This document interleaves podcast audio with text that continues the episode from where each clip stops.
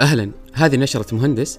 النشرة اللي نسولف فيها عن مستجدات كلية الهندسة بجامعة الملك عبد العزيز من أنشطة وفعاليات وإنجازات وحتى أخبار عامة.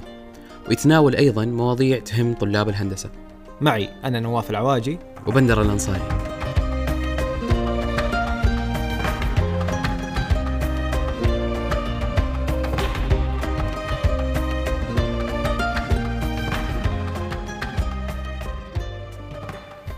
خلال الأسبوع الماضي صار حدث كبير على مستوى الجامعة.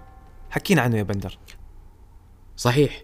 يوم الأربعاء الماضي الموافق 29 نوفمبر آه، استقبلت الجامعة رواد الفضاء السعوديين علي القرني ريانة برناوي علي الغامدي ومريم فردوس. وأتت هذه الزيارة بناء على الشراكة القائمة بين الجامعة ووكالة الفضاء السعودية وكانت بحضور رئيسة الجامعة المكلفة الأستاذة الدكتورة هناء النعيم.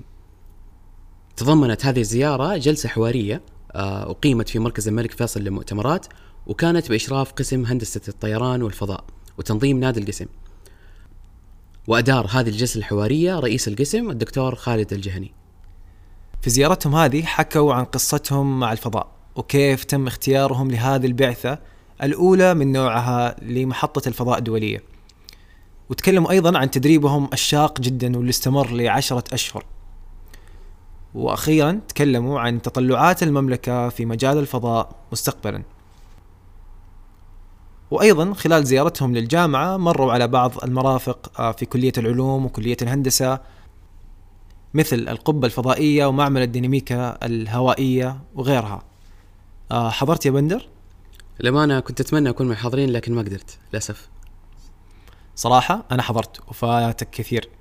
حسيت بكمية فخر مو طبيعية أثناء حديثهم. كانت تجربة جدا رائعة وعدد الحضور كان جدا كبير. تعدى 2500 طالب وطالبة.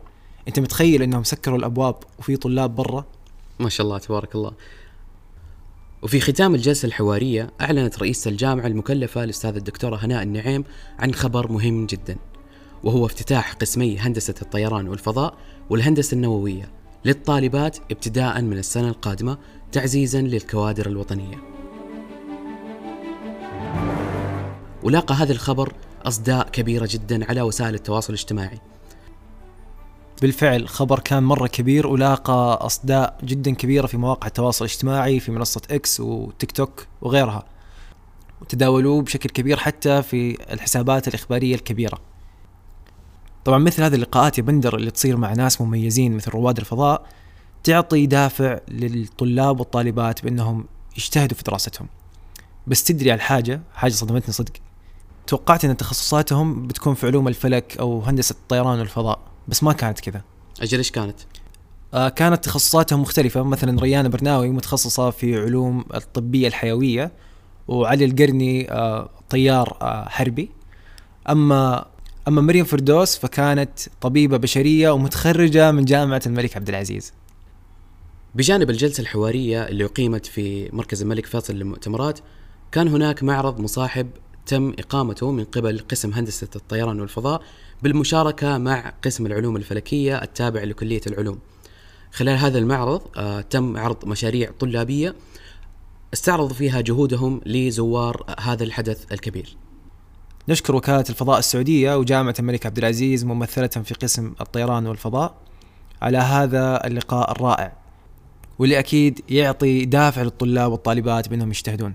فشكرا لهم ومترقبين لملتقيات كبيرة مثل هذه. بإذن الله.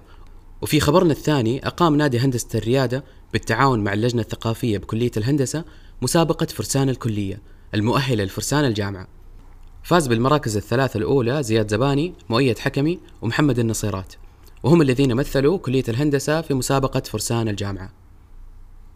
وبعد مشاركتهم في مسابقة فرسان الجامعة فازوا ولله الحمد بالمركز الثالث على مستوى الجامعة.